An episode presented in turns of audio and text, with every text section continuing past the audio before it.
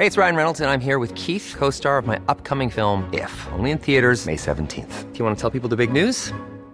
All right, I'll do. Sign up now and you'll get unlimited for $15 a month in six months of Paramount Plus Essential Plan on us. Mintmobile.com slash switch. Upfront payment of $45 equivalent to $15 per month. Unlimited over 40 gigabytes per month. Face lower speeds. Videos at 480p. Active Mint customers by 531.24 get six months of Paramount Plus Essential Plan. Auto renews after six months. Offer ends May 31st, 2024. Separate Paramount Plus registration required. Terms and conditions apply if rated PG. I'm Sandra, and I'm just the professional your small business was looking for. But you didn't hire me because you didn't use LinkedIn jobs. LinkedIn has professionals you can't find anywhere else, including those who aren't actively looking for a new job but might be open to the perfect role, like me. In a given month, over 70% of LinkedIn users don't visit other leading job sites. So if you're not looking on LinkedIn, you'll miss out on great candidates like Sandra. Start hiring professionals like a professional. Post your free job on linkedin.com/people today. Hey Dave. Yeah, Randy. Since we founded Bombus, we've always said our socks, underwear, and t-shirts are super soft. Any new ideas? Maybe sublimely soft. Or disgustingly cozy. Wait, what? I got it. Bombus. Absurdly comfortable essentials for yourself And for those facing homelessness. because one purchased equals one donated. Wow, did we just write an ad? Yes. Bombas. Big comfort for everyone. Go to bombas.com slash ACAST and use code ACAST for 20% off your first purchase. Det er jo ikke den eneste møjsag, hvis man skal kalde det det, der har været fra Bruxelles, men på den store EU-skandale målestok. Hvor slemt er det her? Altså, den er helt op at ringe. Det er der ingen tvivl om. Altså, jeg husker ikke noget lignende i de 10 år, knap 10 år, jeg har været her. It is a question of confidence of people into our institutions. And um, this confidence and trust into our institutions needs highest standards. Det er den værste korruptionsskandale i EU i mange, mange år.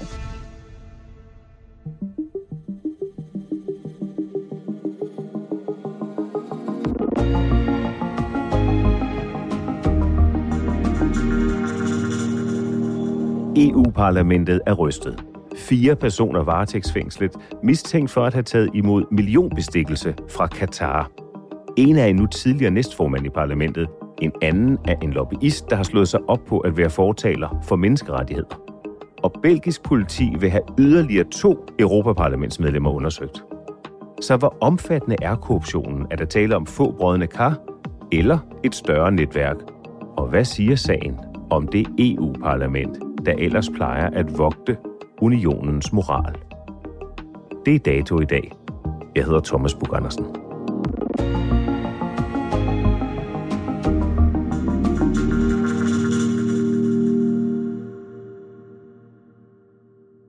Jeg plejer sådan at tænke på det, Lise, sådan at EU- og Bruxelles-korrespondenter, de kommer og går.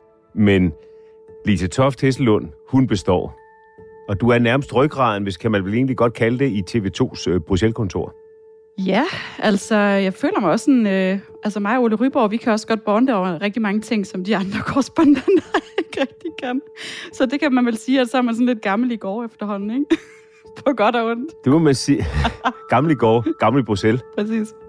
Det her, det er Lise Toft Hesselund, som har været journalist for TV2 i Bruxelles siden 2016, og har fulgt korruptionsskandalen lige fra starten. Og du er jo ikke bare fransktalende, du er også flamstalende. Ja, øh, min kæreste er flamlænder, så, øh, så da jeg mødte ham, så, øh, og jeg synes, det var sådan en finurligt sjovt sprog, så tænkte jeg, det skal jeg lære. Og så startede jeg på aftenskole, var der i tre måneder. Det er jo et germansk sprog, ikke? så det kan man lidt tysk og lidt engelsk, så har man altså øh, samme gode mulighed for at lære, lære hollandsk også, eller flams, som dialekten jo er, ikke? Det første tegn på, at noget er i gære, er, da Europaparlamentet den 21. november samles for at udtale kritik af VM-arrangøren Katar. En af de nu varetægtsfængslede er den græske socialdemokrat og næstformand for parlamentet, Eva Kaili. Hun går på talerstolen. Parlamentsmedlemmerne mødes jo, de samles i plenarsalen. Det er jo den her store sal med plads til de her mere end 700 medlemmer af Europaparlamentet. Og øh, det her, det er jo lige øh, omkring VM i Katar. Og vi ved jo alle sammen godt, der har været en masse debat, masse polemik op til det her VM, øh, blandt andet jo i forhold til sådan noget med migrantarbejdere, der lever i, øh, i slumområder, arbejder i slavelignende forhold osv. osv. Og det er selvfølgelig også noget, som de her medlemmer af Europaparlamentet, de har debatteret. Og det gør de også den dag i Strasbourg. Og der er jo flere indlæg fra forskellige medlemmer af Europaparlamentet, og mange af dem er jo meget kritiske over for det her VM. Mange har jo også tidligere ytret sig omkring, at de synes, det var forkert, at det gik til Katar. Og så kommer øh, Eva Kejli så på banen. Hun kommer ned og stiller sig på podiet for også ligesom at give sit indlæg. So um, today the World Cup in Qatar is a proof actually. Og der var der altså mange, der lige øh, rynkede panden der. Man kan faktisk se det på billederne fra den dag. De medlemmer af Europaparlamentet, som er til stede i salen, de kigger på hinanden med øh, forundring. De spærrer øjnene op. Man kan godt se, at det her det er noget, som de synes er overraskende. Det er i hvert fald noget, der kommer bag på dem, fordi hun jo stiller sig op og forsvarer Katar og kalder dem simpelthen frontrunners. Det er det ord, hun bruger. Altså simpelthen et foregangsland inden for arbejdstagerrettigheder.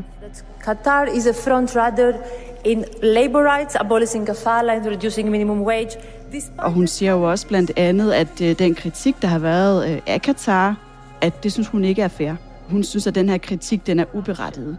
But still, they take their gas. Still they have their Hun sætter blandt andet også ord på det her med, at vi øh, i Europa, i Vesten, gerne vil købe Katars gas. Vi vil rigtig gerne indgå de her lukrative aftaler med Katar, men vi ser også ikke for gode til i samme omgang også lige at give dem øh, en med pisken i forhold til de her manglende rettigheder, jo blandt andet for de her migrantarbejdere, for kvinder, for homoseksuelle osv. They helped us, and they are peace negotiators. They are good neighbors and partners. We can. Det var der mange, der, der spærrede øjnene op over. They achieved the impossible already. Thank you. Hvem er Eva Karli? Jamen, hun er jo en, øh, et græsk medlem af Europaparlamentet, og har været det de sidste to altså termer. Hun blev valgt ind ved sidste valg i 2014 og er medlem af den socialdemokratiske gruppe. Hun er medlem af det græske parti, Socialistpartiet, der hedder PASOK. Og så er der jo det særlige ved hende, at hun er sådan set et kendt ansigt i Grækenland. Altså hun er en kendt person, hun har været i politik i mange år, men hun har også været øh, nyhedsvært på en af de store øh, tv-kanaler tilbage i starten af nullerne. Så hun er en kendt person, hun er en meget karismatisk person, en meget smuk kvinde, store, flotte øjne, langt lyst hår, høje kindben. Så hun er en person, man lægger mærke til. Og hun har altså fået en af de her meget, meget øh, vigtige og også magtfulde øh, positioner i Europaparlamentet ved sidste valg, altså en af de her næstformandsposter. Der er 14 af dem i alt, og en af dem gik så øh, altså til hende ved det her sidste valg. I første omgang er de opspærrede øjne og forundringen de eneste reaktioner på Eva Kejlis tale. Men små tre uger senere viser det sig, at sagen stikker dybere. Belgisk politi har her til aften foretaget en række rensagninger mod Europaparlamentets kontorer i Bruxelles i forbindelse med en sag om mulig korruption i Europaparlamentet. Den 9. december, der modtager jeg en øh, pressemeddelelse fra belgisk politi i min indbakke, og det er faktisk det første, jeg selv hører om den her sag. Og det er jo sådan en meget formel pressemeddelelse, som det jo nu engang er. Men detaljerne i den får mig til at slå øjnene op. Jeg læser den simpelthen to gange, fordi jeg tænker, kan det være rigtigt? Og i den her pressemeddelelse står der jo, at man har udført 16 rensagninger rundt omkring i Bruxelles. Foretaget rensagninger ikke færre end 16 adresser i Bruxelles. Og at man har varetægtsfængslet øh, forskellige personer. Og at man jo har beslaglagt værdier for altså mange 100.000 euro. De finder plastikposer og kufferter fulde af pengesedler. hvor der blev fundet flere end 4,6 millioner kroner i kontanter. I pressemeddelelsen er der ingen navne. Der står ingen navne på, hvem det er, man har anholdt. Der står, at man har haft et særligt fokus på assistenter i Europaparlamentet, altså medarbejdere, som arbejder for medlemmerne af Europaparlamentet. Men der står sort på hvidt, at det er en sag, en stor sag, omfattende sag, der drejer sig om korruption, om hvidvaskning af penge, og at sagen indeholder og drejer sig om indflydelsesrige mennesker, personer i Europaparlamentet. Nogle af dem er assistenter, men altså også folk med direkte links til medlemmer af Europaparlamentet.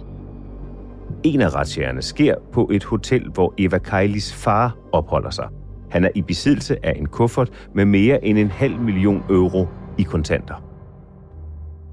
Det, som græsk tv græske medier beskriver, det er, at Eva Kejlis far, han øh, kommer ud fra hotellet med den her kuffert i hånden, og bliver simpelthen anholdt på stedet. Altså, man kan jo næsten se filmen spille for sit indre blik. Det, man finder ud af i hendes afhøring, det er, at øh, hun har bedt sin far om at tage den her kuffert. Hendes far var på besøg i Bruxelles i de her dage, Hun har så bedt ham om at tage den her kuffert fra hendes egen lejlighed og simpelthen skaffe sig af med den. Hvordan, det, det ved vi ikke. Men det er derfor, at han overhovedet er i besiddelse af den her kuffert på det hotel, hvor han har boet, mens han har besøgt hende.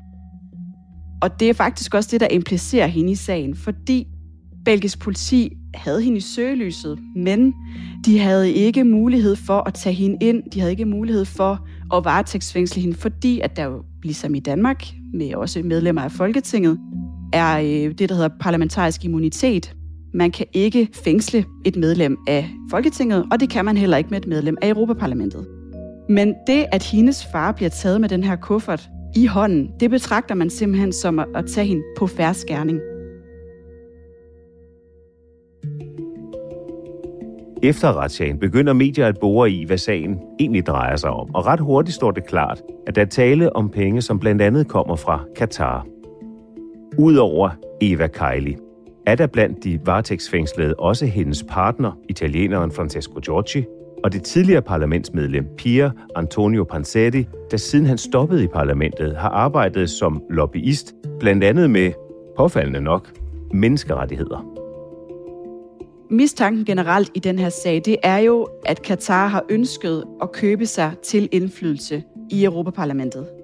Det er jo så angiveligt foregået ved at have givet penge til forskellige medarbejdere, til øh, en tidligere medlem af Europaparlamentet, altså forskellige mennesker, som er aktive i Europaparlamentet, som arbejder der. De skulle have modtaget penge og gaver fra Katar for øh, til gengæld at tale positivt om Katar, for øh, at stemme for forskellige øh, tiltag, der har med Katar at gøre. Blandt andet så var der jo også i november en afstemning i Europaparlamentet om visa-liberalisering. Altså lempede øh, visa-regler for folk fra Katar, som gerne vil rejse ind i EU. Der er det jo kommet frem, at Eva Kaili har snedet sig ind simpelthen til den her afstemning. Hun var ikke selv medlem af det her udvalg. Hun har simpelthen snedet sig ind og sat sig på de bærste rækker og har stemt for de her forslag. Hvordan reagerer Eva Kaili på de her anklager? Fra hendes afhøring kan vi se, at hun øh, selv beskriver sig som i chok. Hun var fuldstændig forfærdet, da hun fandt ud af, at hendes kæreste den morgen var blevet anholdt. Og det hun siger, det hun har sagt til den her afhøring, det er, at hun øh, jo straks ringer til sin far øh, og fortæller ham, hvad der er sket, og at hun godt er klar over, at Panseri, Pierre Panseri, han skjuler nogle ting i deres lejlighed. Hun ved ikke, hvad det er, siger hun. Men hun ved, at der står en kuffert blandt andet i hendes lejlighed, som hun deler med sin kæreste, de bor der sammen, som tilhører Panseri. Og der ved hun godt, at det begynder at brænde på. Så hun beder faren om at skaffe sig af med den her kuffert, hun fortæller, politiet spørger hende, var du klar over, hvad der var i kufferten? Hun siger, jeg åbnede, når jeg kunne se, der var penge i den. Hun ved godt, at det brænder på. Så derfor giver hun kufferten til faren, forklarer hun, som tager den med til hotellet. Og hvad han så skulle med den derfra, det melder historien altså ikke noget om. Og hvad siger øh, Eva Keilis partner, Francesco øh, Giorgi, så til hendes udlægning af, at den gode halve million euro, der stod i deres lejlighed, egentlig var en, han havde placeret der på vegne af Panseri? Jamen, øh, Giorgio, hendes kæreste, Francesco Giorgi, han påtager sig al skylden. Og det gør han faktisk helt fra starten af. Og det siger han stadigvæk. Han fortæller, at Kylie, hun har ikke noget med det at gøre. Hun var uvidende omkring de her aktiviteter, og det er ham, som er involveret i det, og hun øh, har intet med det at gøre. Det har Kylie faktisk også selv sagt, at øh, hun ikke har noget med sagen at gøre. Hun er ikke involveret, hun er ikke en part. Og hun har også selv skudt skylden over på sin partner og sagt, det er hans område det her. Det er ene og alene hans sag. Han har ageret på egen hånd. Jeg har ikke vidst, hvad der er foregået. Og hvis I vil vide mere, så må I spørge øh, min kæreste. Men hvordan forklarer Eva Kaili så hendes katarvenlige linje, som jo faktisk er i strid med den socialistiske gruppes kurs? Det har hun ikke kommenteret på. Hun har jo først og fremmest ikke været ude med nogen som helst kommentar. Så det, vi har fra hende, det er oplysninger fra den her afhøring, som altså er blevet lækket til medierne. Så hvordan hun forholder sig til alle andre detaljer i den her sag, det har hun ikke kommenteret på. Og det har hendes advokater sådan set heller ikke. Udover at sige, at øh, hun nægter al involvering i den her sag, og hun erklærer sig uskyldig. Så det er sådan set det eneste, vi ved. Hvorfor at hun har stemt for visa-liberalisering i parlamentet til folk fra Katar. Hvorfor hun holdt den her dundertale i november, det ved vi ikke. Vi ved ikke, hvorfor hun har talt så varmt for Katar. Er det rent tilfælde? Er det, fordi hun rent faktisk synes, at de er nået øh, rigtig langt med arbejdstagerrettigheder? Det melder historien ikke noget om. Det er jo en fantastisk kriminalfilm, og han har sagt uh, politisk thriller værdigt, alt det, der sker der. Hvordan reagerer Katar på de anklager om, at de skulle være kilde til den pengestrøm? Jamen, Katar har faktisk øh, kun været ude og kommentere på det her en eneste gang. Og det gjorde de lige efter, at sagen den brød ud der den 9. december. Og der sagde de, og jeg har selv set et tweet, de har lagt ud, at de øh, afviser alle anklager. Og det er sådan set den eneste kommentar, som der er kommet fra officiel side fra Katar, at øh, man ikke har noget med det her at gøre, og man afviser alle anklager og al involvering i den her sag. Det er altså en sag med stadig mange ubesvarede spørgsmål. Men hvis Pansetti holder sit ord, så bliver vi nok klogere. Han har nemlig lovet, at han vil lægge alt frem mod at få en strafnedsættelse. A former EU lawmaker implicated in a corruption scandal that's engulfed the European Parliament has agreed to cooperate with investigators. Hvad ved vi om Pansetis forbindelse til Katar? Jamen, vi ved jo netop, at han har haft nogle ture igennem årenes løb. Det er i sig selv heller ikke så mærkeligt, fordi han har arbejdet med relationerne til Mellemøsten og til den arabiske halvø i sit politiske virke, altså simpelthen som medlem af Europaparlamentet. Men har han øh, været helt ærlig omkring, hvor han har været, hvornår han har været det, og hvem har betalt for de her rejser? Det er der kommet fokus på nu jo, men det er jo også noget, som parlamentet gerne vil have, altså at alle oplysninger nu bliver lagt frem. Det er også ham, der har trådene til de andre tre. Så det er Panseri, som er, og det sagde Kylie også i hendes afhøring, det er Panseri, der er the mastermind. Det er ham, der er hovedbagmanden i det her netværk. Og det er altså ham, som alle pile de peger på i forhold til at forstå, hvordan den her korruption den er foregået. Er der nogen som helst tegn på, at Panseri, ligesom øh, Eva Kailis partner Georgie, er klar til at tage alle kuglerne for Eva Kaili, så hun måske i sidste ende kan gå fri? Det er der ikke noget, der tyder på. Og det er jo også derfor, at de oplysninger, der nu kommer frem, nu hvor han har indgået den her aftale med belgisk politi, det bliver enormt spændende at følge med i det. Fordi, hvad er det for nogle oplysninger, han lægger ind med? Altså, der er jo rigtig mange spørgsmål, som mangler at blive besvaret. Og nu hvor han siger, at han vil øh, være fuldstændig åben og helt ærlig omkring, hvad der er foregået, hvordan stiller det så først og fremmest de andre mistænkte i den her sag? Altså, hvad gør det for eksempel for Eva Kejlis sag? Og det, at hun siger, at hun er uskyldig. Har han andre informationer om hende? Har han informationer om nogle af de andre varetægtsfængslede? Eller andre personer i det hele taget, jo både i parlamentet, men det kan jo også være andre steder i Bruxelles, i andre EU-institutioner. Og så kan det jo også være oplysninger om andre lande, som måske er involveret i den her korruptionsskandale. Og så selvfølgelig det helt store spørgsmål, som vi jo også mangler at få svar på. Hvad var det, som Katar rent faktisk ville opnå med den her formodede korruption, altså med den her bestikkelse? Hvad var det for en indflydelse, som Katar har forsøgt at købe? Det er jo nogle af de spørgsmål, som der virkelig mangler at komme svar på, og som Panseri jo sandsynligvis, fordi at han formodes at være en af hovedmændene i den her korruptionsring, som man formoder, at han kan give nogle svar på.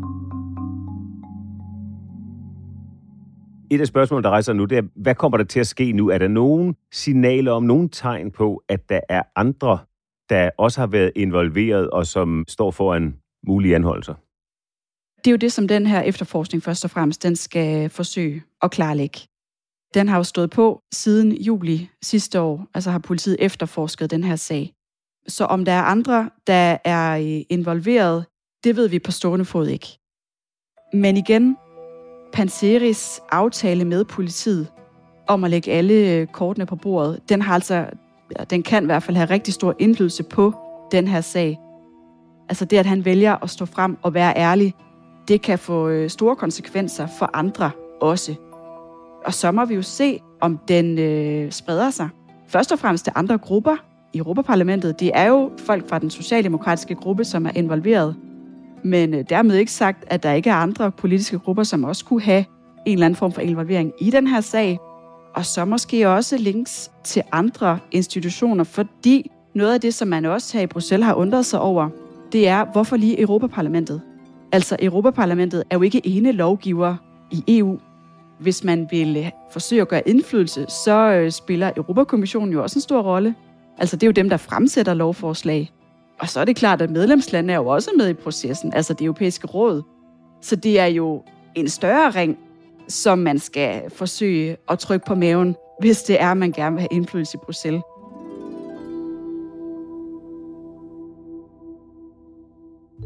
Forløbig har belgisk politi nu bedt om at få ophævet immuniteten for yderligere to medlemmer af Europaparlamentet, nemlig en belgier og en italiener. Om det sker, det afgøres i begyndelsen af februar. Afslører den her sag måske et eller andet strukturelt problem i EU-systemet, eller er der tale om trods alt relativt få brødne kar? Altså, øhm, der er jo blandt andet øh, en NGO, der hedder Transparency International, som øh, få dage inden den her skandale, den brød ud i lys lue, kom med en rapport, som kritiserede blandt andet lobbyvirksomhed i øh, Europaparlamentet, og som sagde, at øh, blandt andet at de her møder, som parlamentarikere jo har med forskellige interesseorganisationer, det er helt normalt, at der er altså rigtig mange af de her møder, som ikke bliver registreret noget som helst sted. Og det gav Transparency International altså en ordentlig losing til det her manglende system simpelthen. Altså de synes ikke, at det er sat nok i system. Det er også noget, som parlamentet selv nu her efterfølgende har sat fokus på. Europaparlamentets formand, Roberta Metsola, har foreslået simpelthen sådan en 14-punktsplan. The European Parliament, dear colleagues, is under attack.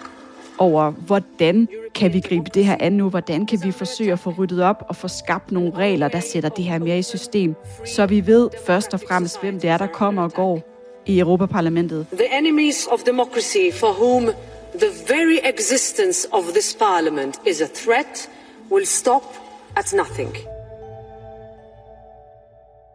Tak skal du have, Lise Hesselund. Jeg glæder mig til den dag, du tager overlov fra TV2 og laver filmen Le Grand Scandale de Bruxelles, eller de Kylie.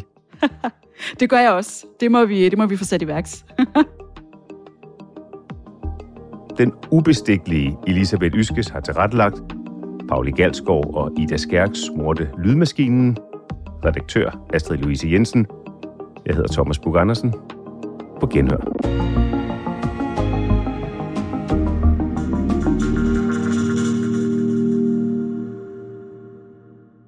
Lyttet til en podcast fra TV2.